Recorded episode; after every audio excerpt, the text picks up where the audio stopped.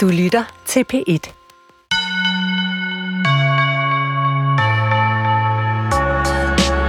Du er sikkert vant til at høre hans stemme, når det handler om finanslov og reformer. Men den kan også lyde sådan her. En ring er over dem alle. En ring kan finde dem alle. En ring kan binde dem alle, lænke dem alle i mørke. Nej, Moderaternes Jakob Engel Schmidt taler ikke om et hemmeligt redskab, der kan få de øvrige regeringspartier til at makke ret. Og han har heller ikke forvandlet sig til Tolkien i et svagt øjeblik. Derimod er kulturministeren ved at citere en af sine yndlingsbøger. Og øh, i den her udgave af Skønlitteratur på P1 taler jeg med Jakob Engel Schmidt om de værker, der har betydet noget særligt for ham og har været med til at danne ham som menneske. Og hvis du troede, at du havde styr på den snart 40-årige minister, så kan du godt tro om igen. For den her økonom uddannede tidligere officer ikke bare læser digte, han skriver dem også. Forestil dig at være kulturminister og udgive en digtsamling. Jeg, øh, forst, altså jeg tænker, at det må være guf for enhver anmelder, ikke? som kan læse alt muligt i det. Og det er ikke særlig politisk, det er udelukkende personligt. Og øh, jeg ved ikke om... Jeg vil gerne være kendt for at være en dygtig politiker og have nogle holdninger, som nogle mennesker kan spejle sig i. Jeg er ikke sikker på, at jeg vil være en dygtig lyriker eller dygtig digter, i hvert fald ikke dygtig nok til at fortjene en plads i det her program. Ja, dem der kender mig ret, ved at jeg ikke stiller mig tilfreds med det politikers svar. Så øh, glæd dig til den næste time her i Skønlitteratur på P1, hvor jeg som altid er din vært, Nana Mogensen, der en sen septemberdag besøgte kulturministeren på kontoret i København. Jeg elsker mit arbejde som kulturminister. Det bruger jeg godt og vel halvdelen af min tid på. Den anden halvdel af min arbejdstid går med at, at være koordinerende minister i, i regeringens koordinationsudvalg og i regeringens økonomiudvalg. Og nogle gange er sagerne så tunge, at de ikke kan være i de der gamle ministermapper, man nogle gange kan se ministerne gå rundt med på Christiansborg. Så jeg læser utrolig meget øh, tekst med faglig indhold, og har kun tid til at læse skønlitteratur i min ferie. Der er dog små undtagelser. De sidste to bøger, jeg har færdiggjort, det øh, er en krimi af Jesper Stein, der hedder City, øh, i Axel Sten-serien. Og så var jeg med til, i øvrigt også på P1, at anmelde øh, Iben Albinus' øh, seneste krimi, øh, Dansk danske agent, øh, på Folkemødet. Øh. Og det er jo altså begge bøger er enormt underholdende, har også stort potentiale for at udvikle sig i retning af at kunne kunne omdannes til tv-serier. De er indfangende, der er spændingsmomenter, der er optur, der er nedtur. Øh, der er personer, man kan identificere sig med, øh, hvis perspektiver er både nemme og svære at forstå. Der er nogle psykologiske undertoner, og på den måde er de begge to vanvittigt underholdende. Men sådan en normal hverdag i september, der står jeg op tidligere om morgenen, øh, kører min kæreste farvel, tager på arbejde. Aften forinden har jeg læst en del sager. Jeg sidder igennem lange møder om dagen, holder nogle gange øh, en lang række af møder med, med, med gode interessenter ude fra kulturlivet, øh, virksomheder, forskellige organisationer. Nogle gange taler jeg med journalister, som, som jeg gør i dag, og så tager jeg papir med hjem og læser dem. Og så er det sjældent, der er tid til lige at tage en halvanden time fordybelse i lænestolen med en god bog, selvom jeg vil ønske, der var det. Vi skal jo øh, tale lidt. Du har jo givet mig en form for læseliste. Jeg bad dig om at, at vælge en, en 3-4 bøger, som, som betyder noget særligt for dig. Og, øhm, og dem skal vi igennem i dag. Men, men inden vi når så langt, øhm, så kunne jeg godt tænke mig at, at tale bare lidt med dig om, hvad der er på, på læselisten, sådan mere overordnet. Altså, det slog mig, da jeg fik din læseliste, at du jo har talt meget for diversitet, ligestilling, mm. og der er tre døde, hvide, vestlige mænd og en kvinde på, øh, på læselisten. Som jo er i live. Som dog er i live. Men hvad er tankerne bag det? Jamen, jeg synes jo, jeg skulle være ærlig, når jeg skulle tale om litteratur øh, på P1. Øh, og jeg er jo præget af min samtid og den opvækst, jeg har haft, hvor der var mange flere mandlige forfattere på læselisterne i skolen, på gymnasiet og på de videregående uddannelser, end der er kvinder.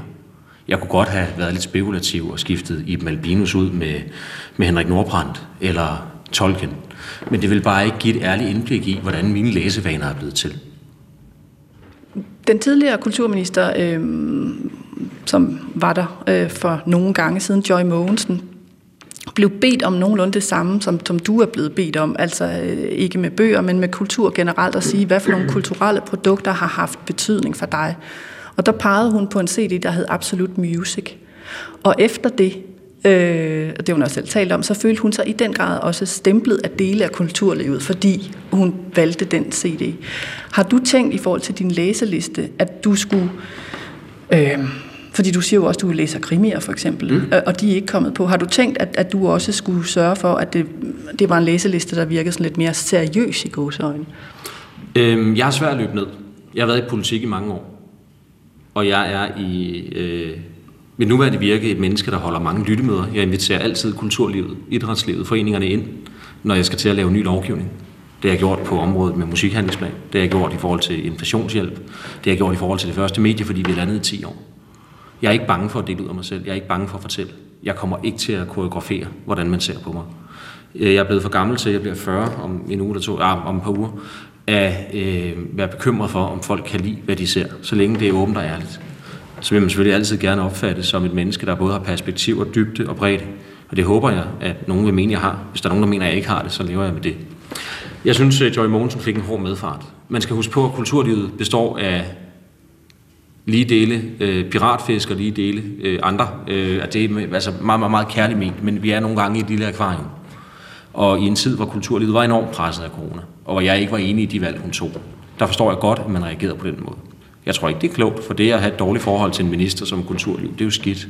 Omvendt så er det også vigtigt som minister, at være i en situation, hvor de mennesker, man arbejder med og for, føler, at man er der for dem. Så jeg tænker, at når man i bagklogskabens ulidelige klare lys ser tilbage, så har kulturlivet sikkert tænkt en hel del over, hvad de kunne have gjort anderledes. Men ikke også Joy Mogensen har, har overvejet, hvordan hun kunne have handlet anderledes. Det tror jeg. Og det håber jeg ikke, jeg fornærmer nogen, vil jeg sige. Det er altid nemmere at sidde udefra. Og jeg er sikker på, at den dag jeg ikke længere er kulturminister, er der nogen, der vil sidde og sige, hvorfor gjorde han dog ikke det? Hvorfor valgte han at bruge sine kalorier på en debat om ligestilling, repræsentation? Så kan det være, at folk ikke har opdaget, at vi har løftet kulturen med 1,1 milliard på finansloven i år. Det er jo første gang, det er sket, tror jeg, de sidste 15. Øhm, jeg ved ikke, hvad mit eftermæl bliver her på kontoret. Øhm, og jeg tænker egentlig heller ikke særlig meget over det. Og du tænker heller ikke, altså det, men det er bare fordi, altså der er jo et eller andet i en læserliste, øh, og jeg synes, det, det er gode værker, du har valgt, men det siger jo også enormt meget om det menneske, der vælger dem. Og ja. det, er jo, det er jo også en, en, et, en måde at portrættere et menneske på, ved at tale om, hvad læser det menneske.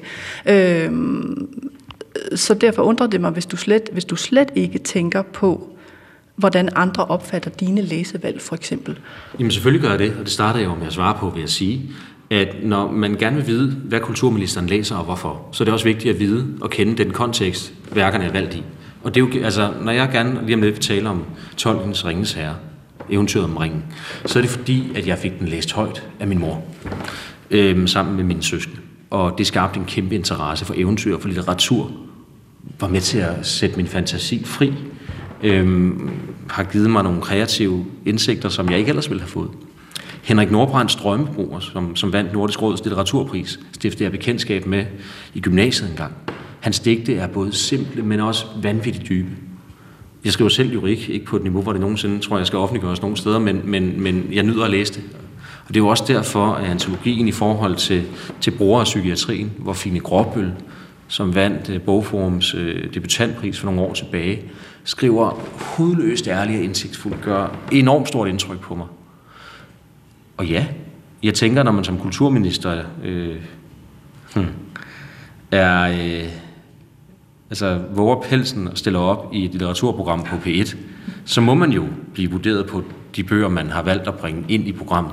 Og det bliver jeg selvfølgelig også, men jeg håber, det du kan mærke på mig er, at jeg kender dem, jeg har læst dem, jeg forstår ud fra mit, mit perspektiv indholdet og glæder mig til at tale om dem.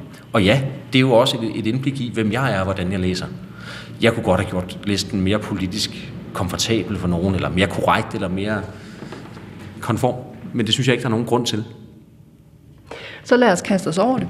Øhm, lad os starte med Ringenes Herre, fordi det er jo, øhm, har du sagt til mig, det er, det er en bog, der betyder noget særligt for dig. Jeg har den her i en en sådan lidt fin øh, udgave med, øh, at det er dronningens øh, illustrationer yeah. og øh, sådan med guldtryk og kort. Øh, Eventyret om ringen, den første, øh, det første bind. Og for de lyttere, der ikke sådan lige kan huske, åh, hvad er det nu med Tolkien, og hvornår er det nu, han er fra, og, og hvornår udgav han de her bøger. Altså øh, Tolkien, engelsk forfatter, øh, 1892 til 1973. Øh, og Ringenes Herre udkommer sådan nogenlunde i 1954-1955. Øhm, og det er jo et meget omfattende plot, men hvis du for de lyttere, der ikke har læst øh, de her tre bind, kort skal sige, hvad, hvad er sådan hovedlinjerne i, i den her, det her sådan moderne fantasy-hovedværk? Oprindeligt er bøgerne udgivet øh, som seks bøger. Vi kender dem herhjemme som, som tre bøger, der er sat sammen, og de starter sådan her. En ring er over dem alle. En ring kan finde dem alle. En ring kan binde dem alle, lænke dem alle i mørke. I morderes land, hvor skygger ro. Og det lyder jo dystert, og hvis man kender og har set filmene, så ved man også, hvordan settingen omkring øh, øh, oplæsningen af, af det her lille stykke øh, bliver mørk og dyster. Men det er en kamp, som foregår inde i hvert menneske, mellem lys og mørke. Det er et kamp om meget, tror jeg, kristne værdier, og det er en kamp mellem modernitet, fortid og fremtid, og så er det frem for alt et fantastisk eventyr. Tolkien var et menneske, der led af en række meget stærke psykiske eftervirkninger af at have fået øh, granatschok øh, ved Første Verdenskrig, slaget ved Somme. Der lavede en ret fantastisk film, hvor man kan følge hans forfatterskab. Han var øh, en del af en forfattergruppe, der hed The Inklings, sammen med C.S. Lewis, hvor nogen sikkert kender Narnia-bøgerne. Dem fik jeg også læst højt som barn, overvejede at tage dem med, men så synes jeg, at vi var helt tilbage i tiden. C.S. Lewis var øh, meget hengiven katolik og forsøgte gennem hele deres forfatterskab sammen med interesseret Tolkien i religion, hvilket han aldrig nogensinde bekendt sig til. Han var til gengæld dybt øh, distræt, sad og skrev sine eventyr og opfandt øh, elversprog og dværgesprog og, og, og plot om natten på hans arbejdsværelse. Ødelagde flere biler, fordi han glemte at bremse, når han kørte over for rødt. Hans hustru ville til sidst ikke køre med ham. Var professor i lingvistik, øh, altså gamle og, og faktisk også uddøde sprog. Skrev øh, disputat som Beowulf, hvis ikke jeg tager fejl, det må nogen tjekke. Det er rigtigt nok, ja. Og øh, i det hele taget en, en komplekst og en af vores tid, synes jeg, eller en en, en af den samtids største forfattere, fordi han formåede at interessere så utrolig mange mennesker, både med uddannelser, men også uden uddannelser for at læse litteratur, som både er dyb, underholdende, kreativt inspirerende og utrolig skabende.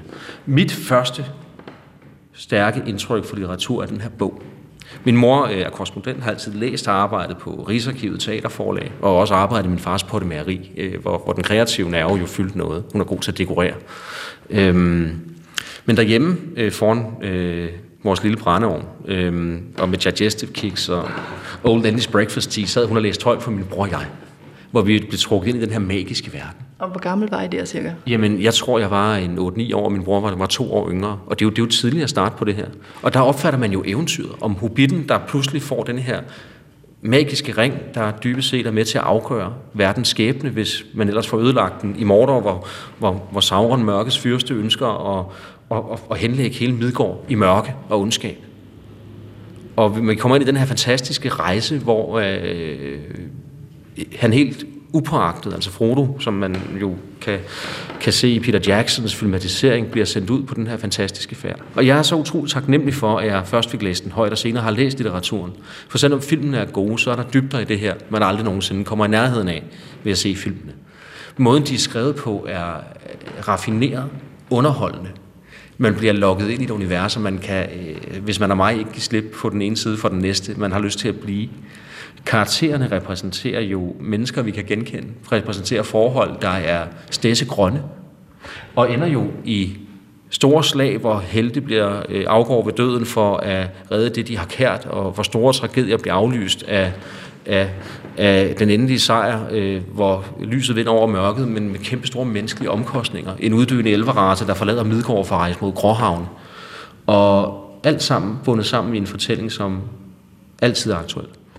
Men der er jo også det her med, at det er jo også en bog om magt, der korrumperer. Altså at, at øh, den, der har ringen, har, øh, er usynlig, men, men har også... Øh, altså lige pludselig er det ikke ham, der bærer ringen, men ringen, der bærer ham. Og det er jo en meget god øh, vej ind til, til det politiske spil også, øh, og hvor man kan sige, øh, at man kan være magtfuld, men man kan også blive ejet af magten. Er det noget, du selv tænker over i dit virke? Jeg tror, alle politikere skal overveje, om de tjener det, de gik til valg på, eller om de tjener det at være i embedet, altså det at blive magtfuldkommen. Og der er det jo så smukt, at vi er gode til at skifte regeringer her i landet, sådan så der hele tiden kommer forskellige politikere på forskellige poster. Nogle gange er det også gået så stærkt, så nogle af de forandringer, man så gerne vil have lavet i dansk politik, bliver en lille smule mere svære at gennemføre, eller bliver sværere at gennemføre på kort tid. Øhm, men ja, magt er farlig. Vi ser det ved denne tår, der er marsk i Gondor. Og selvom han ved, at den retmæssige konge flakker om flere hundrede mil væk, så gør han intet for at få ham tilbage, fordi det er ham, der bestemmer. Det er hans blodslinje, der skal besætte Mars-sædet i Gondor. Han sidder på en lille stol foran den store trone, og har ingen interesse i, at kongen vender tilbage. For i hans optik, i hans etik, har han ret til magten. Så du har ret i, at der er talrige eksempler på, hvordan magten korrumperer, og hvordan mennesker og skabninger med de bedste intentioner ender med at blive et af deres egen ambition og gøre ting, der er under, end de overhovedet har forestillet sig i jagten på magten. Og i det her mørke, der brænder der så et lille bitte lys. Og det er jo derfor, at skildringen er så smuk i forhold til, hvordan den kamp mellem lys og mørke foregår i hvert enkelt menneske. For der er ikke nogen, der kun er gode eller kun er onde. Og nu bliver det jo sådan helt øh, poetisk, og det gør, at jeg har lyst til at vende mig, fordi vi har jo flere værker, vi skal igennem. Jeg har lyst til at vende mig også mod lyrikken, øh, fordi øh, du har valgt øh, Henrik Nordbrands øh, Drømmebroer. Men inden vi går til den, så vil jeg gerne høre lidt om den lyrik, du selv skriver. Øh, og nu, nu kommer der sådan lidt et smørret grin, øh, og jeg havde sådan set varslet, at det vil jeg spørge om. Jeg ved også, at du ikke, du, øh, jeg tror ikke, du nogensinde har læst noget af det op, eller offentliggjort det noget sted. Tager jeg fejl i det? Det har jeg ikke, nej. nej. Øhm, og det er jo utrolig personligt, fordi jeg er et menneske, der skriver dagbog, ikke hver dag, men det gør jeg ofte. Og det har jeg gjort lige siden jeg var en, en yngre mand, end jeg er i dag. Og det er sjovt at kunne sidde og se tilbage på, hvordan man oplevede ting før. De sidste mange år er det mere der er selvfølgelig faktuelle begivenheder, men der er også mange følelser involveret. Og når jeg skriver poesi, så skriver jeg det, fordi at jeg har en... Altså, at, at, at enten hjertet eller kroppen er fyldt med følelser, jeg har brug for at sætte ord på. Nogle gange er det smukke følelser, andre gange er det redselsfulde følelser, og det er ligesom min afløbsventil. Ligesom jeg godt kan lide at sejle i min havkajak eller løbe, så jeg bliver så forpustet, at jeg næsten ikke kan ud og tage et skridt mere. Øh, jeg plejer at sige, når jeg går op på Christiansborg for at få noget motion, at jeg sender pulsen på flugt og tankerne lige efter. Men, men altså, render du rundt med sådan en lille, lille lommebog, og så når du får en tanke, så kommer der lige en god lille, øh, et lille vers ned, eller hvordan skal man, og, og er, det, er det noget på, altså er det noget på rim, eller er det sådan helt frie vers? Hvordan skal man tænke sig kulturministerens lyrik? Du spørger jo meget elegant. Øhm, det er ikke altid, det rimer, det er heller ikke altid, det er på vers. Jeg har jo meget stor respekt for nogle af de store digter, vi har herhjemme. Altså Kasper Erik er jo et, et kæmpe forbillede for mange. Øhm, og jeg har læst meget poesi i mit liv. Jeg har fundet stor inspiration i det. Altså Piet Hein har også skrevet fantastisk lyrik og god rim, øhm, ligesom andre har. Men, men når jeg skriver, så øh, tror jeg, hvis man var professionel forlægger på politikken, man ville tænke, det er nok lidt for rodet, er der virkelig, øh, kan vi finde håndtaget på det der? Men har du nogensinde sendt det til nogen? Altså har du nogensinde sendt det ind til et forlag, eller, eller sendt det til en digter, du beundrede for eksempel? Jeg har fået et par, øh, par vurderinger af det, og der er nogen, der mener, der er potentiale, og der er nogen, der mener, der er mindre potentiale. Men jeg tænker, så længe jeg er politiker, er det ikke sådan, man kommer til at opleve, at det... Eller, nu, nu vil jeg ikke sige, at det... Altså, sagen er, at vi skal jo snakke om enormt store forfattere, og jeg skammer mig lidt ved at sidde og tale om, at, øh, at, at noget af min lyrik øh, indgår i det program. Ikke fordi det ikke er vigtigt for mig, for mig fylder det utrolig meget. Men forestil dig at være kulturminister og udgive en digtsamling. Jeg, øh, forst, altså jeg tænker, at det må være guf for enhver anmelder, ikke? som kan læse alt muligt i det. Og det er ikke særlig politisk, det er udelukkende personligt. Og øh, jeg ved ikke om... Jeg vil gerne være kendt for at være en dygtig politiker og have nogle holdninger, som nogle mennesker kan spejle sig i. Jeg er ikke sikker på, at jeg vil være en dygtig lyriker eller dygtig digter, i hvert fald ikke dygtig nok til at fortjene en plads i det her program. Ja, det var jo sådan meget øh, ministeragtigt svar. Øh, synes du virkelig det? Jeg synes, det er enormt åbent og ærligt. Jamen, jeg tænker, dronningen maler jo. Altså, og hun, øh, hun er jo også, altså i virkeligheden dronning, men, men maler jo. Jeg tænker, og hvem har du sendt? Altså, når du siger, jeg har fået en vurdering af nogen. Er det, altså, taler vi øh, øh, forlagsmennesker? Taler vi en god kammerat? Øh, taler vi... Øh, altså, hvad, hvad taler vi her? Jamen, det er begge dele. Mm-hmm. Øh, det var før folketingsvalget, og øh, altså, det, det tror jeg, vi holder privat. Inden vi går videre til Nordbrand, så er der, fordi jeg synes faktisk, det er væsentligt det med, at du skriver lyrik, øh, fordi det også siger noget om dig. Og jeg fandt et interview, hvor du taler om det. Ja. Og øh, du siger noget for mig vældig interessant. du siger, det er et interview med Weekendavisen, og der taler I faktisk om en personlig krise, du har haft, øh, hvor du er blevet stoppet med, øh, med noget kokain, og folk kender sikkert historien. Du må trække dig fra alt. Og så siger du til journalisten, nogle gange opstår der elementer af skønhed ud af den menneskelige krise. Så siger journalisten, elementer af skønhed, og så siger du, ja, jeg har altid skrevet poesi, og det bliver nok aldrig udgivet, for kvaliteten er ikke høj nok. Men kvaliteten var stigende under min krise og i årene efter. Og det synes jeg er interessant, fordi øhm, der er ikke alene en kulturminister, der skriver, men også en kulturminister, der taler om, at kvaliteten af det, han selv skriver, faktisk bliver stigende under en krise. Jamen, det smukke ved nedturen er jo, hvis man formår at afbryde den og kunne komme tilbage igen. Altså historien om, hvordan jeg mistede mit kørekort, er universelt kendt. Øh, den slipper jeg aldrig af med, og derfor har jeg valgt at eje den og har taget rundt og holdt foredrag om, hvordan andre mennesker kan undgå at begå mine fejl. Og det, det, det er simpelthen fint, du spørger. Øhm, Men hvordan kommer det ind i lyrikken? Det er det, jeg synes er spændende. Jamen, vi er jo alle sammen komplekse mennesker. Nogle vil ikke indrømme det, men det er de. Og vores følelsesregister er komplekst. Øhm, det med at tale, altså det at tale om, når man har det svært, når man har problemer, når det ikke går, som man gerne vil, når man har begået fejl, det er jeg først blevet bedre til, efter jeg rundede 35, ikke? Og øh, hvor gammel, det er jo snart syv år siden, jeg mistede det der kørekort, så øh, jeg er jo for længst kommet videre, men, men det har jo altså, det har gjort mig til et bedre menneske på det, de områder, at jeg er mere nærværende over for min familie. Jeg tænker mere over, hvem jeg elsker, og hvem, hvordan jeg behandler andre mennesker. Jeg tænker mere over, hvad jeg bruger min egen tid på. Jeg vil aldrig være et sted, hvor jeg bliver så presset, jeg er nødt til at selvmedicinere et eller andet, og få afløb for andet ved at tage dumme valg. Til gengæld gav det mig også de der måneder efterfølgende, hvor jeg blev udsat for øh, kæmpe kritik og grimme beskeder på sociale medier. Der er ingen, der skal under mig, det var min egen fejl. Og når man så ligesom som sådan et socialt medie, der ikke er nogen, der interesserer sig for længere, og oplever, hvordan telefonen er tavs. Øh, det giver jo anledning til en masse selvreflektion, og ud af det er kommet, synes jeg, nogle herlige digte, som det kan være, jeg en dag vil dele med nogen, det bliver nok ikke lige i dag, men, men øh, det åbnede også øh, mit sind for en hel masse ny litteratur, og øh, kulturelle og kunstnermæssige oplevelser. Så hvad for en vej gik du derefter? Altså, hvad begyndte du at interessere dig mere for os af litteratur, og, og hvordan drejede det dit perspektiv også? Jeg begyndte at læse alt af Hemingway, Isabella Lente og andre, øh, hvad hedder det, større internationale forfattere. Og Hemingway, han var jo, øh, han er jo fantastisk. Men i dag så vil hans øh, forhold til kvinder og alkohol jo nok, øh, også selvom vi respekterer sådan noget i kunsten, jo nok øh, også være til debat. Øh, altså jeg var lige ved at, at indmelde den bog, der hedder Over vejen og ind i skovene, som handler om en gammel oberst, før var han brigadegeneral. Jeg er selv gammel, gammel soldat. Jeg taler ikke lige så meget om det, som andre gør i regeringen, men, men jeg har også øh, et officerstjerne på skulderen.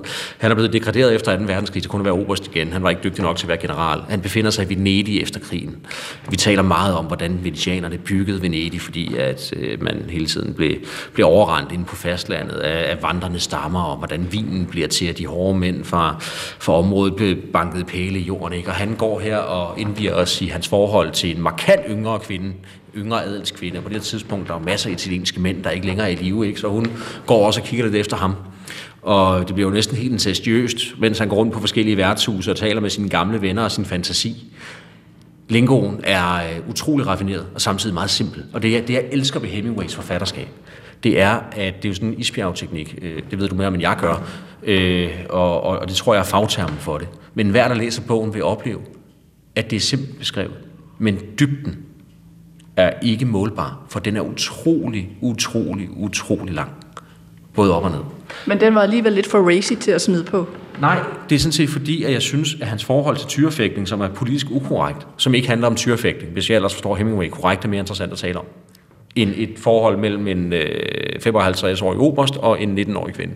Men så lad os snuppe tyrefægterbogen, inden vi går til Nordbrand, fordi det er jo, altså, det er jo et meget godt springbræt, for da jeg tog, at du havde den her tyrefægterbog på, så tænkte jeg, det var godt nok et modigt valg, fordi, og, og, og vi skal nok øh, udbrede den, men, men jeg tænkte, det, det er et... Øh, Altså, det er et modigt valg, øh, og et spændende valg, og det vil jeg rigtig gerne høre mere om, fordi... Jeg, jeg kunne også bare have valgt den gamle mand af havet, som jeg holder utrolig meget af. Eller, øh, eller Der er ingen inde på Paris, som jo handler om hans egen afmagt og forhold til kvinder og drukture i Paris, dengang øh, den gyldne epoke stadigvæk øh, levede på, på, på, hvad hedder det, dampene, tror jeg, fra, fra gaslamperne ved gaderne i Montmartre, ikke? Øhm. Men hvem er Hemingway for dig, og hvorfor gav det mening for dig at særligt kaste over hans forfatterskab, øh, for, for eksempel efter din livskrise? Altså, hvad er det, han kan, hvad er det, han som forfatter kan tilbyde også et menneske i krise? Ærlighed. Ærlighed uden omsvøb. Han står ved sin fejl. Han vurderer moral ud fra, hvad der føles godt og hvad der føles skidt. Det er jo ikke en determinant, vi normalt bruger i vores samfund. Vi har nogle regler. Han fortæller hudløst ærligt, han perspektiverer, og han kan få en tyrefægterkamp til at handle om alt muligt andet. Jeg er ikke tilhænger af tyrefægtning. Det er ret vigtigt for mig at sige, at jeg mener, det er dyreplageri, og jeg forstår ikke, det ikke er forbudt.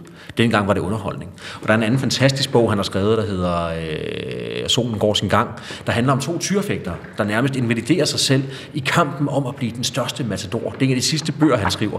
Han er bekymret for på det her tidspunkt, om han kan komme ind i Spanien, fordi Franco har magten, og han var jo med til både at finansiere og øh, udfører handlinger øh, for øh, øh, den venstreorienterede bevægelse, der jo slogs med Frankos fascister øh, dengang, øh, men oplever alligevel at blive taget pænt imod som Papa og Hemingway, ikke? Og, og lukket ind i Spanien på det her tidspunkt. Kører rundt i en italiensk lejet bil øh, med en chauffør, der, der taler lidt gebrokken, som han nyder meget, og, og fortælle, hvis kørestil han nyder meget at fortælle om. Kører fra by til by og følger de her to matadorer, hvor den ene jo ender med i kampen for at overgå den anden og meditere sig selv og næsten blive slået ihjel. Og det er jo det samme, han beskriver i, øh, i og døden kommer om eftermiddagen. Og det er så at sige, at døden kommer om eftermiddagen. Og det tror jeg også Hemingway måske følte, den gjorde i hans eget liv med hans depressioner. Altså kunsten kom altid først. Den kom før hans kærlighedsliv. Den kom før de kvinder, øh, han behandlede dårligt. Det kom før ham selv, fordi han drak sig selv halvt ihjel. Han rejste rundt i hele verden som eventyr og gav os en fantastisk litteratur. Men var samtidig et komplekst sammensat menneske. Han anerkendte sin fejl. Men og hvordan... han skrev på en måde, der har inspireret generationer efter generationer, mig selv inklusiv.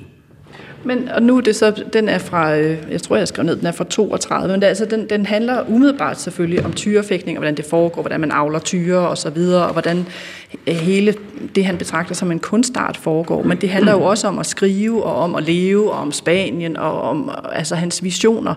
Øhm, men hvordan har du det med, øh, inden vi kommer nærmere ind i den her døden kommer om efter, hvordan har du det med, med hans maskulinitet? Altså den der lidt gammeldags, altså fordi ja, det er da også det er da fascinerende. Han er jo en, en gammeldags macho-mand og storvildjæger. Jeg, jeg tror næsten, jeg vil kalde ham sådan en stoisk mandsjuvenist. Og det sidder du simpelthen og, og indrømmer på, på P1, at du, du godt kan lide at læse? Ja, selvfølgelig gør jeg det. Fordi det her er jo en bog, der er skrevet i sin samtid, og som vi læser i nutiden. Så man kan jo sagtens have kritiske briller på, og det har jeg også. Det ændrer ikke på, at det er stort litteratur, og det her det er der hans hovedværker. Landskabsbeskrivelserne i den her bog er fantastiske. Det er hans egen kauseren over moralen også. Hvad angår spørgsmålet om moral, står jeg i hvert fald indtil nu på det standpunkt, skriver Hemingway, at det er moralsk, at det ikke giver tømmermænd. Det man tværtimod føler sig vel tilpas efter, og at det umoralske er det, man føler sig skidt tilpas efter. Og målt med denne moralske målestok, som jeg på ingen måde har i sinde at prøve at forsvare, er tyrefægtningen for mit vedkommende i høj grad moralsk. For mens den står på, at jeg strålende tilpas og har en stærk følelse af liv og død, af dødelighed, udødelighed, og når den er forbi, føler jeg mig meget sørgmodig, men har, men har det ikke desto mindre godt. I øvrigt har jeg, har jeg ikke det mindste, det mindste imod det med hestene. Det er i princippet ikke det, jeg mener, men i de enkelte foreliggende tilfælde har jeg ikke noget imod det. Det er jo en indrømmelse af, at han dybest set godt ved, at det, selvom det er en kunstart, er det forkert. Men at han er faktisk ligeglad, og det fortæller han, næste, det fortæller han også læseren. Men jeg kan godt lide bogen, ikke på grund af tyrefægtning, men på grund af den identifikation, jeg føler, der er mellem forfatteren og det, han beskriver. Han har jo de her tanker om, at tyrefægtning jo er en kunstform, det skriver han flere gange. Øh, og der, der er nogle ret øh, sådan, øh, sigende citater, uden at vi kan gå ind i hele bogen, men, men hvor han jo også taler om sin fascination af død. Øh, han siger, at, øh, at tyrefægtning har nærmest kulturelle egenskaber. Han siger, at tyrefægtning er en kunst, hvor i døden deltager. Tyrefægtning er den eneste kunst, hvor kunstneren svæver i livsfare, og hvor det kunstneriske resultat er direkte afhængig af kunstnerens æresfølelse. Og så siger han også, det eneste sted, hvor man kunne se liv og død, det vil sige voldsom død, nu da krigen var forbi, var i arenaen. Hvordan har du det med hans, øh, altså havde han sagt en gammel soldat til en anden, hvordan har du det med hans, hans, hans øh, dødsfascination, også med tanke på, hvordan det ender for ham? Jamen, jeg forestiller mig, at med de eventyr, han har været på, med det, han har oplevet ved frontlinjen i Spanien og andre steder, de krigsscenarier, han har dækket, der er han kommet til på døden. Døden er blevet en følgesvend, og han ved, at han selv på et tidspunkt må tage den følgesvend i hånden. Og det er også det, man oplever i hans sidste bog, som jeg nævnte lige før. Meget en passant i øvrigt. Fascinerende, sørgmodigt, melankolsk. Øhm, og på det tidspunkt er tyrefægterarenaen det eneste sted, han føler, at det, han har oplevet tidligere, taler til ham igen i nutiden, tror jeg. Uden jeg ved det. Og der er folk, der sikkert vil mene, det er forkert, hvad jeg siger, men det er sådan, jeg læser det. Men hvor, Altså, og det kalder jo på spørgsmålet om, hvor du, om jeg så må sige, går hen for at ikke føle død som tidligere soldat, men hvor du går hen for at, for at få de her store følelser forløst, fordi det kan vel ikke være på i, i, det, i det politiske arbejde, eller hvad? Altså, jeg er en mand, der er i relativt god balance med mig selv. Øhm, men jeg har masser af følelser, og det er også derfor, jeg skriver. Jeg skriver dem ud. Jeg øh, havkajakker dem ud. Jeg får øh, afløb for dem ved debatarrangementer herover. Jeg elsker at være ude i naturen. Og så er jeg til, så sidder jeg oppe på Statens Museum for Kunst og kan se på et billede i meget lang tid ad gang. Nogle gange med musik, øh, alt, altid med musik. Noget af det første, jeg lavede i Kulturministeriet, var den her musikhandlingsplan, hvor vi for første gang i mange år faktisk dedikerede en kvart milliard til at få flere unge mennesker til at spille, passe på talenterne og, og gøre noget ekstra for dem, der har noget, har noget at have det i. Men også det her morgensangsprojekt, jeg er gang i. Altså, kunsten kan meget mere, end vi giver den kredit for. Den skal ikke, men den kan meget mere. Og det er en af mine, en af mine missioner her i Kulturministeriet. Det er at sørge for, at kulturen og kunsten får lov at fylde mere, end den gør i dag. Personligt og politisk. Vi ved, hvor helbredende det er for folk at opleve at være i et forpligtende fællesskab. Nogle gange bare et frivilligt fællesskab. Vi ved også, hvor stor indsigt og livsløst det giver at læse og opleve og lytte sammen. Men det er jo også nogle af de tanker, du er blevet kritiseret allermest for, hvis vi taler kunst og kultur, ja. altså litteratur som en del af kunsten. Det du taler om nu, har du sagt flere gange, men blandt andet i en debat i, i Deadline. Nå, med Tom Jensen? Med Tom Jensen. Jeg ved, ikke, om, jeg ved ikke, om det er ham, du tænker på som Sauron. Men, øh... Nej, nej, nej, overhovedet ikke. Altså, det synes jeg vil være synd for Tom Jensen. øhm, altså, jeg har respekterer jo Berlingske Tidende Journalistik. Jeg synes, deres lederkollegium nogle gange øh, slår et par skæver. Og grunden til, at jeg inviterede mig selv i Deadline sammen med Tom Jensen, er, at han mener, at jeg kan spænde kunsten for en vogn. Og det det, jeg, jeg vil ja. bare lige informere lytterne, så ikke de sidder er helt lost. Altså, du, du har jo du har, du har ligesom haft tankerne flere gange, både på et mere overordnet plan, at kunsten øh, kan, ikke at den skal, men den kan måske være med til at løse nogle større kriser, øh, for eksempel klimakrisen, altså du vil nedsætte et råd med kunstnere, der deltager, men også på et mere individuelt plan. Det har du sagt i Deadline, at, at man for eksempel øh, ved, at mennesker, der lider af depression, angst og andet, øh, får det bedre ved regelmæssigt at høre musik eller læse lyrik. De kan endda få sænket medicinforbruget. Øh, men det har du jo også fået meget kritik for, altså disse tanker. Ja, og det forstår jeg ikke. Altså, kunsten er smuk, skabende og kendende i sig selv. Den skal ikke mere, end den selv har lyst til. Men det, at samfundet engagerer sig mere i kunsten, det er, at den spiller en rolle, der har en sundhedsmæssig og helbredsmæssig effekt. Det er jo herligt. Jeg vil ikke lave om på kunsten. Det, jeg vil gøre, er at brede den ud til flere. Det, jeg vil gøre, er at invitere flere indenfor. Og så er der måske nogle kunstnere, der har lyst til at tage et større ansvar, og det er de velkommen til. Det inviterer jeg dem ind i. Det er simpelthen så øh, reaktionært, kontraproduktivt, navlebeskuende, indimensionelt at beskylde mig for at vi øh, tage kunsten som gissel, når det jeg siger er, at kunsten skal være sig selv. Jeg vil gerne give flere lejlighed til at gå ind ad døren. Jeg vil gerne have, at det fylder mere. Jeg vil gerne øge den politiske valutakurs. Det burde man jo elske på Berlingske Tidene. Og det tror jeg faktisk også flere af journalister gør, det siger de i hvert fald til mig. Og så er der lige lederkollegiet, hvor der er nogen, der er sure. Men det er jo også smart, fordi så sælger man nogle aviser, ikke? Så kan man kalde mig for Vogue, ikke? Og jeg er en skaldet mand, der sidder i en nystrøget hvid skjorte. Øh, og hvis nogen ikke ved, hvad det er, så handler det om at have fokus på repræsentation og ligestilling. Og det har jeg også. Jeg mener sådan set bare, det er moderne.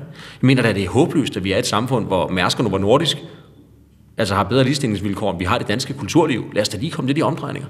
Men hvis vi lige spoler lidt tilbage, så det kritikken går på er jo ikke kun, at du vil spænde, siger nogen, øh, kulturen, litteraturen for en vogn. At der var faktisk også et indlæg i Altinget fra nogle af de her mennesker, der sidder og forsker i narrativ medicin.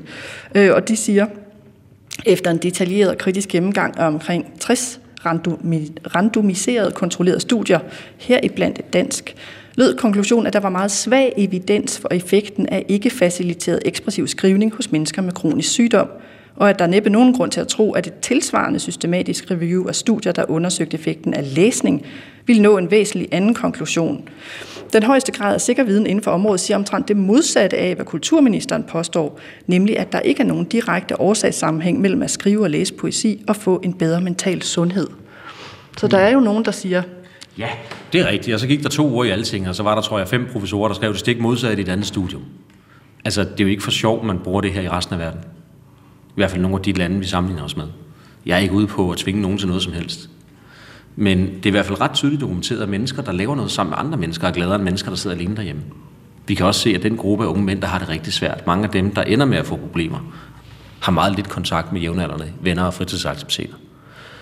Man bruger øh, terapihaver og andet i store dele af Sydøstasien, i hvert fald de rigere dele af dem, øh, som, som en del af behandlingen mod depression, angst og andet. Øhm, og vi har brug for mere forskning på området.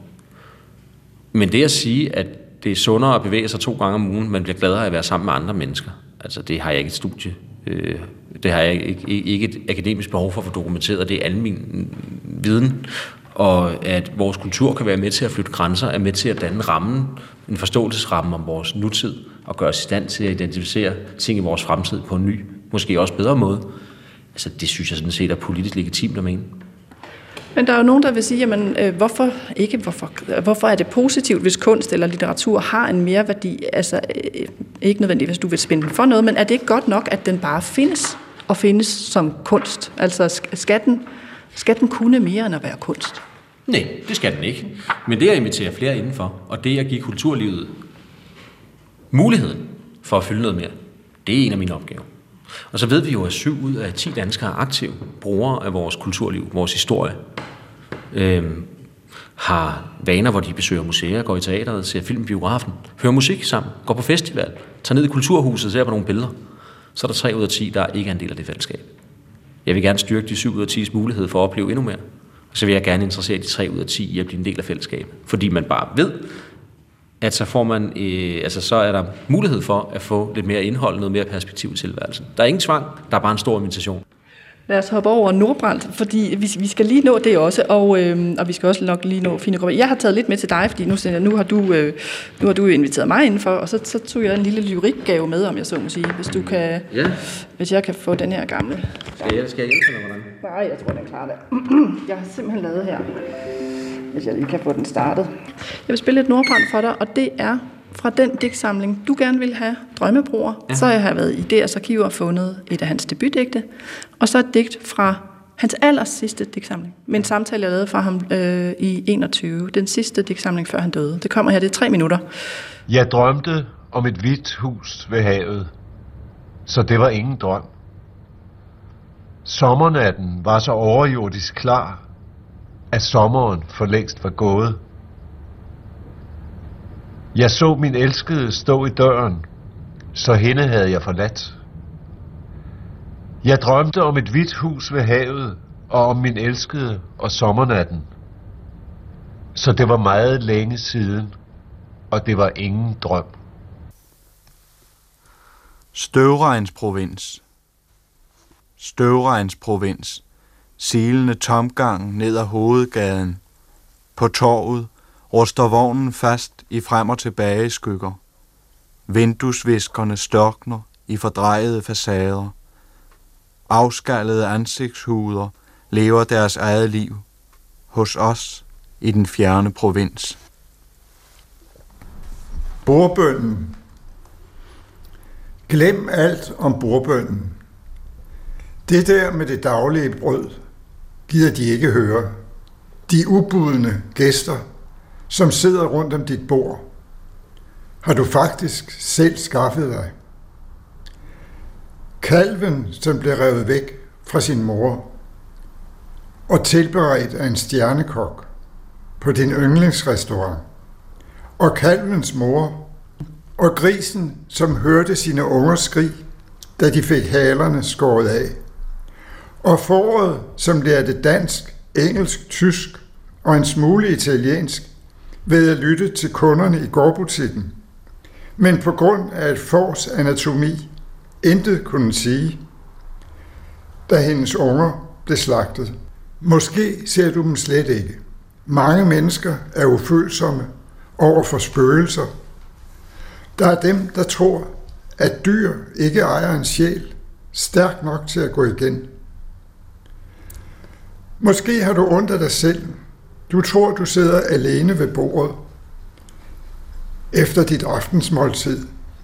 En såkaldt mørbræd, anbefalet af dyrenes beskyttelse. Du burde have bemærket din hunds opførsel. Først gøde den lille terrier, så lovrede den, som den kun gør, når der kommer gæster, den kender. Nu ligger den i skødet på grisen, hvis tær du smagte til jul for tre år siden. Hvad er der med det? En gang imellem, uden at tænke over det, tager du dig til hovedet. Det er når en af de 97 kyllinger i køen bag din ryg hakker dig i nakken. Jeg skal lige sige til lytterne, at det var, det var Casablanca fra Drømmebroer, så var det øh, en bid fra debutdæksamlingen, Digte fra 66, og til sidst så en, en morgendæksamling, hvor vi øh, hørte, hørte øh, digtet Bordbøn. Hvad, hvad tænker du, når du hører den? Jamen Casablanca synes jeg er helt fantastisk. Det betyder også det hvide hus, ikke? hvis vi oversætter det øhm, til dansk. Og det går også igen i digtet, hvor han har forladt sin elskede, og hvor savnet og desperationen og kærligheden står malet ud over de meget simple strofer i digtet.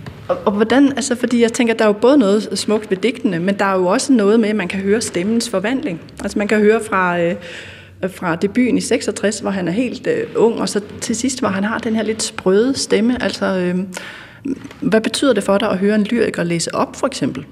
Men det er jo en svær disciplin. Der er meget få forfattere, der er dygtige til at læse deres egne værker op. Der er meget få lyrikere, der er dygtige til at læse deres egen digte og deres egen lyrik. Det synes jeg, Nordbrandt var og i øvrigt også er, fordi han lever videre med de optagelser, DR blandt andet har lavet af ham, og som forhåbentlig bliver tilgængelige i arkivet. Det vil i hvert fald sætte penge af til i medieaftalen. Øhm, og jeg har, oh, undskyld, jeg, jeg, jeg har nyt at læse ham lige siden jeg var en ung mand. Fordi jeg identificerer mig med hans måde at skrive på. Hans lyrik vækker enormt store følelser og genkendelse. Øh, både det, der er godt, det, der er skidt, det, der er desperat, det, der er drømmende, og det, der bare får en til at savne i tusind år, som han skriver i et af hans, hans, hans digte i Drømmebror. Og men øh, øh Henrik Nordbrand er jo også altså, en paradoxal digter, altså han, han, han er sådan en paradoxets digter. Øh, der er jo tit, at ens øh, hjerne ligesom går, går i rundgang, fordi mm, på den ene side er han tilgængelig, og på den anden side er han jo også enormt svær. Så hvordan har du det med, med tekst, der jo slet ikke går op, og hvor, hvor paradoxet ligesom bliver ved med at leve? Jamen, jeg har det enormt godt med det. Altså, øh, hvis du havde valgt mig at læse et, op, øh, et af hans digte op, ville jeg have, have taget drøm om en sporvogn, ikke? Læs det op. Ja, det, det er lidt langt, så jeg tager, tager halvdelen af det. Hvad betyder det at se en sporvogn i drømme? Min psykiater siger en ting, min astrolog en anden. Skal jeg rejse eller dø, forsones eller befries? Jeg ved blot, at dette grimme gule monster af stål, hvis sang torterede mine trommehinder hver eftermiddag, nu en menneskealder senere igen er ude og slingre. Hensynsløst og vildt, langt borte fra den borgerlige orden, der herskede, dengang dens håndhæver hed politibetjente og kørte ubevæbnet rundt på cykel. Hvad vil du her? Hvor, hvorfor kommer du i skumringen? Og sådan bliver det ved. Det er jo enormt godt skrevet. Og det er for mig lyrik. Og det er den samme måde, som jeg synes, man får de stærkeste oplevelser på. Det behøves ikke rime for at være smukt. Det behøves ikke øh, være pænt for at være stort. Det behøves ikke være ordnet for at skabe orden i tankerne eller give retning på følelser. Øhm, og det synes jeg, Nordbrand kan på en helt fantastisk måde, som er utrolig inspirerende. Nu er det her et af de mere floromvundne digte, fordi det, det er langt, det fylder meget, der er mange ord, også i tillæg. Nogle af hans andre digte er utrolig øh, poetanske, utrolig korte, er utrolig nemme at forstå, men kræver også, at man tør dykke i dybden. Har du, har du nogensinde mødt Nordbrand egentlig? Han døde jo så her i starten af året, men har du nogensinde mødt ham eller hørt ham læse op? Jeg har aldrig nogensinde haft fornøjelsen. Øhm, desværre. Derfor var jeg også så glad for lige at få lov at høre det her, men jeg har jo læst mange af hans værker.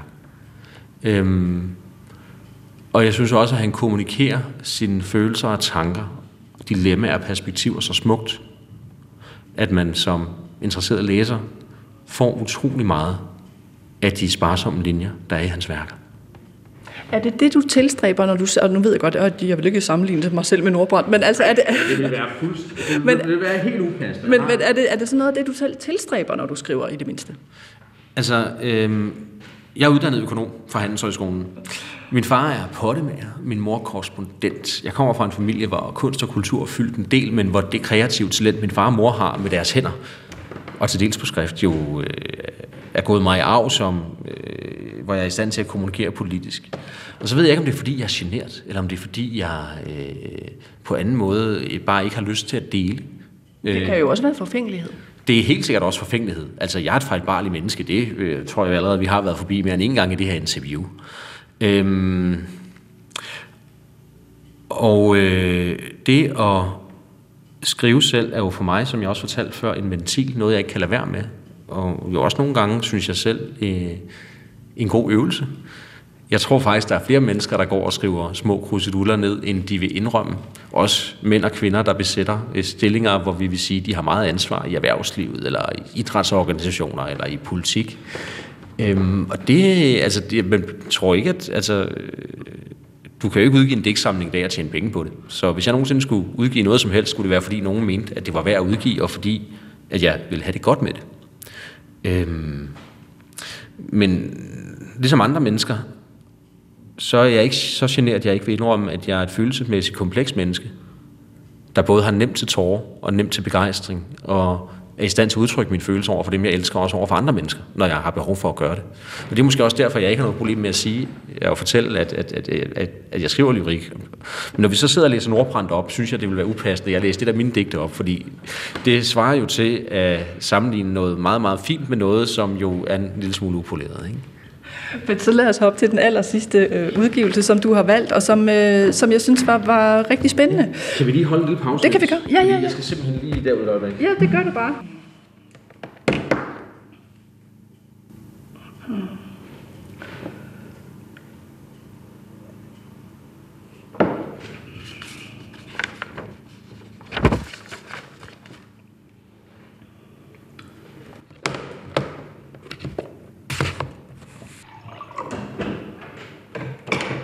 Jeg, men lad, os, øh, lad os kaste os over øh, det sidste værk, som du har valgt, og det er, det er Fine Gråbøl. Og for dem, der ikke kender hende, jeg tror, du var inde på det tidligere, hun debuterer øh, i 21 for Bogforums debutantpris for Ungeenheden, som er sådan en roman om at være på et øh, psykiatrisk værested.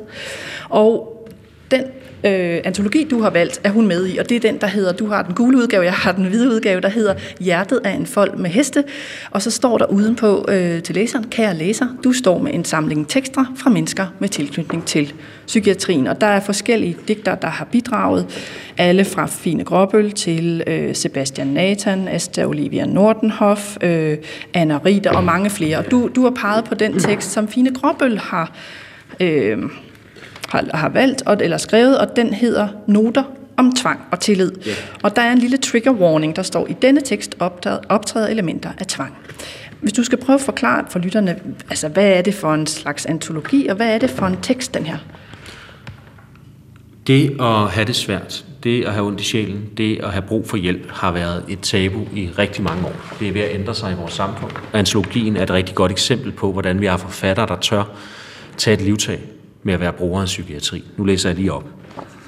Når jeg læser min journal fra børne- og ungdomspsyk, husker jeg ingenting. Ifølge teksten har jeg jævnlige samtaler med en psykiater, Nana. Hvor hun, hvordan hun ser ud, ved jeg ikke. Journalen taler igennem mig. Josefine har aldersvarende udseende og påklædning. Hun fra fremtræder lidt mimikfattig og taler overvejende monotont. Hun siger, at hun er deprimeret, hvilket også er indtrykket på grund af forsinket stemme, stemningsleje, men hun bliver levende indimellem. Hun kan virke alvorlig og følelsesmæssig, intellektualiseret, snarere end kommunikativ i sine udmeldinger og henvendelser. Kan tale om følelser på et lidt omstændigt niveau og måde, og er meget optaget af at beskrive følelsesmæssig tilstand. Hun både skriver om det og lever i det. Altså prøv at forestille dig at udgive en tekst, der er så personlig. Jeg er med på, at det er jo i princippet en beskrivelse af, hvordan forfatteren er og optræder i en journal. Men den er også tilskrevet på en måde, hvor hun lader læseren komme indenfor i det allermest sårbare rum. Og det synes jeg er så utrolig modigt og utrolig flot. Så bliver man jo, man bliver jo følelsesmæssigt påvirket af at læse de her beretninger og overleveringer fra vores psykiatri. De er, er, er vilde og hårde og, og deprimerende, og nogle steder også fyldt med en lille smule håb. Fordi i et hvert skriv og i et, et, et hvert skæbne er der jo håb, for ellers fortsætter den skæbne ikke med at leve. Og håb er jo det, der driver os mennesker og holder os på benene hver eneste dag. Og det at kunne se tilbage på svære perioder i, i vores egen tilværelse. Og i nogle tilfælde give dem videre til andre, som øh, kan få noget ud af dem. Måske få en større forståelse. Eller en lille fli af håb. Det synes jeg er vigtigt. Og derfor har jeg valgt at sætte det her med. Og hvad, hvad giver, altså hvad, hvilke indsigter giver den her tekst der? Fordi hun taler jo meget i teksten, der er både noget fra hendes egen journal, hun skriver om, hun, hun citerer nogle andre tekster, der handler om psykiatri, øh, men, men det hele centrerer sig jo omkring det her med forholdet mellem tillid og tvang. Ja. Øh, det er de her to begreber, hun svinger med hele tiden. Altså, hvad giver det dig af nye indsigter omkring forholdet mellem de her to, mellem tillid og tvang, som hun jo øh, prøver at indkredse? Mm. At det er en dans, der aldrig nogensinde finder den rigtige rytme fordi det enkelte menneske er forskellige, og den frygt og de oplevelser, der bliver beskrevet, er voldsomme og meget, meget, meget personlige. Og så er jeg nødt til at sige noget politisk, fordi nu har vi endelig fundet pengene til at gøre det bedre i vores psykiatri. Det har taget alt for lang tid. Det var en af de ting, vi gik meget op i, da vi gik til valg, og det har andre partier også gjort. Nu er det endelig lykkedes. Altså det at få kommunikeret, hvor stort behovet er. Og det, at der er mennesker, der tør sætte ord på, der er i stand til at kommunikere det på en måde, så får flere til at vide, hvor slemt det har stået til, og hvor meget vi kan gøre ved det, og hvordan vi kan gøre noget ved det, det, det synes jeg er vigtigt. Øhm, og jeg vil jo ikke gøre det her til sådan en politisk tale. Jeg synes bare, at vi har jo lavet kraftpakker, der har sørget for, at Danmark nu er blandt top 5 i øh, vestlig verden, hvor man kan overleve cancer. Havde vi lavet de psykiatripakker for 15 år siden, eller 20 år siden, ville så mange mennesker måske have fået bedre hjælp. Det går vi så i gang med nu, men bogen her er testamente, en overlevering om, at, at den proces godt kunne have gået noget hurtigere. Men er det sådan en bog, du for eksempel øh, kunne finde på at indkøbe i et større mængde, og så simpelthen uddele til de her udvalg, hvor, øh, hvor noget af det her arbejde foregår? Altså er du sådan en, der blander tekster på den måde? Jeg er jo sådan en, der blander politik sammen, og jeg er heldig nok til at sidde i de to udvalg, hvor vi faktisk har lidt af beslutningskraften til at gøre noget ved det. Og hvis man åbner finansloven for i år, kan man se, at vi gør rigtig meget ved det psykiatriske område. Men hvad har du, altså, kunne du finde på ja. at, at simpelthen tage, Nå, nu skal I se her, øh, Mette Frederiksen og hvem der nu ellers sidder der, I får lige den her folk med hest, og den må I godt læse. Altså de politikere, jeg arbejder sammen med, er vanvittigt gode til at læse, og de er virkelig dårlige til at bladre. Så jeg tror nok, at jeg skulle finde nogle enkelte passager at dele ud. Fordi, og det gælder jo også mig selv, vi er øh, travle. Og nogle gange så er det nemt at sige, at der skal være tid til litteratur og store oplevelser. Øh, nogle gange er følelser, kan følelser også beskrives på meget kort tid og på meget få linjer. Øh, det kommer vi tilbage til, før interviewet er færdigt, tror jeg. Jeg har bestemt mig til, øh, hvis du også vil være med til det. Øh, bogen her er... Øh, man bliver meget rørt af at læse den, hvis man gider. Og hvis man åbner sit sind og forstår de beretninger, der bliver beskrevet. Noget af det er øh, stor lyrik, andet af det er øh, journalgengang ud fra en åbenhedsordning. Det her det er jo en forfatter, øh, en, en, en forfatterpsykiatrisk åbenhed, åbenhedsordning langt hen ad vejen. Øh, hvor, hvor vi bliver inviteret indenfor i et meget, meget, meget sårbart rum. Det har jeg sagt før, men når jeg gentager det, så er det fordi, at det er sjældent, man får lov at læse noget her.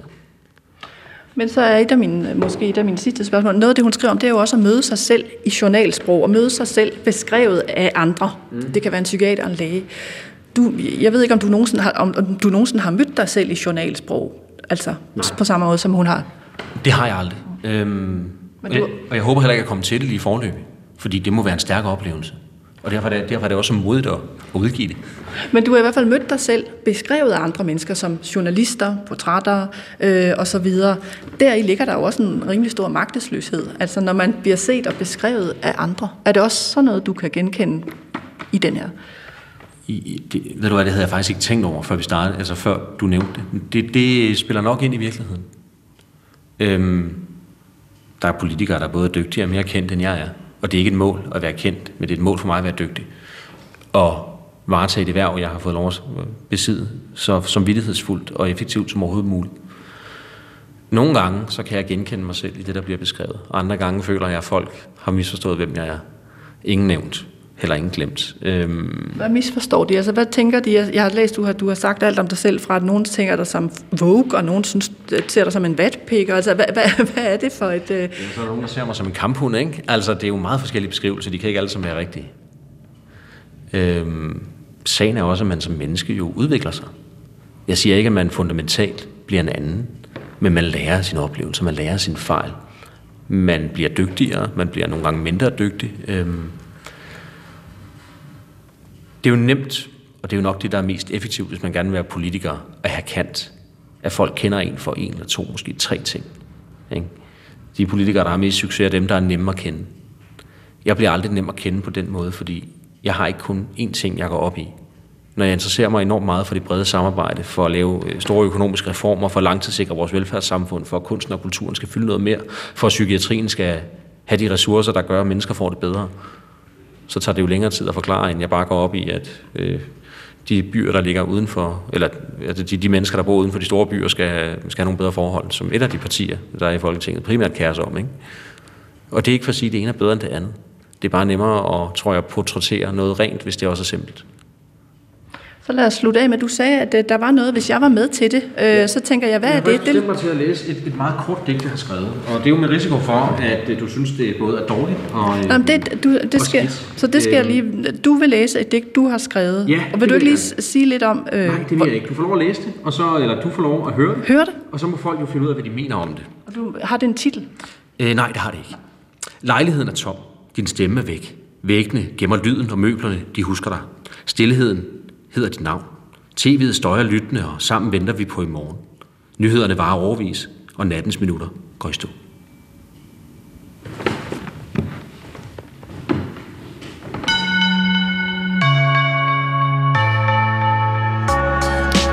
Skønlitteratur på P1 er slut for denne gang. Min gæst i dag var kulturminister Jakob Engel Schmidt fra Moderaterne. De værker, vi talte om, var Tolkiens Ringenes Herre, og øh, der blev citeret fra eventyret om ringen. Bøgerne er udkommet på Gyldendal og oversat af Ida Nyrup Ludvigsen og Jakob Levinsen. Så havde vi fat på øh, Henrik Nordbrandt og særligt hans digtsamling Drømmebroer, der også er udkommet hos Gyldendal. Desuden talte vi om øh, Ernest Hemingways Døden kommer om eftermiddagen. Den er oversat af Michael Tegn og udkommet på Lindhardt og Ringhof. Og til sidst talte vi om øh, antologien Hjertet er en fold med heste. Den er redigeret af Anna Rider og Sissel Anna Velden, og øh, her skriver adskillige forfattere, og vi fokuserede på Fine Gråbøls tekst, der hedder Noter om tvang og tillid. Bogen er udkommet på forlaget Amulet. Undervejs citerede jeg også fra et indlæg fra Altinget om kunst og mentalt helbred. Det er fra marts i år, og bag citatet stod Anders Jul Rasmussen og Annette Søgaard Nielsen. Jeg var som altid din vært og hedder Nana Mogensen. Husk, at du altid kan skrive til mig på litteratur Vi høres ved.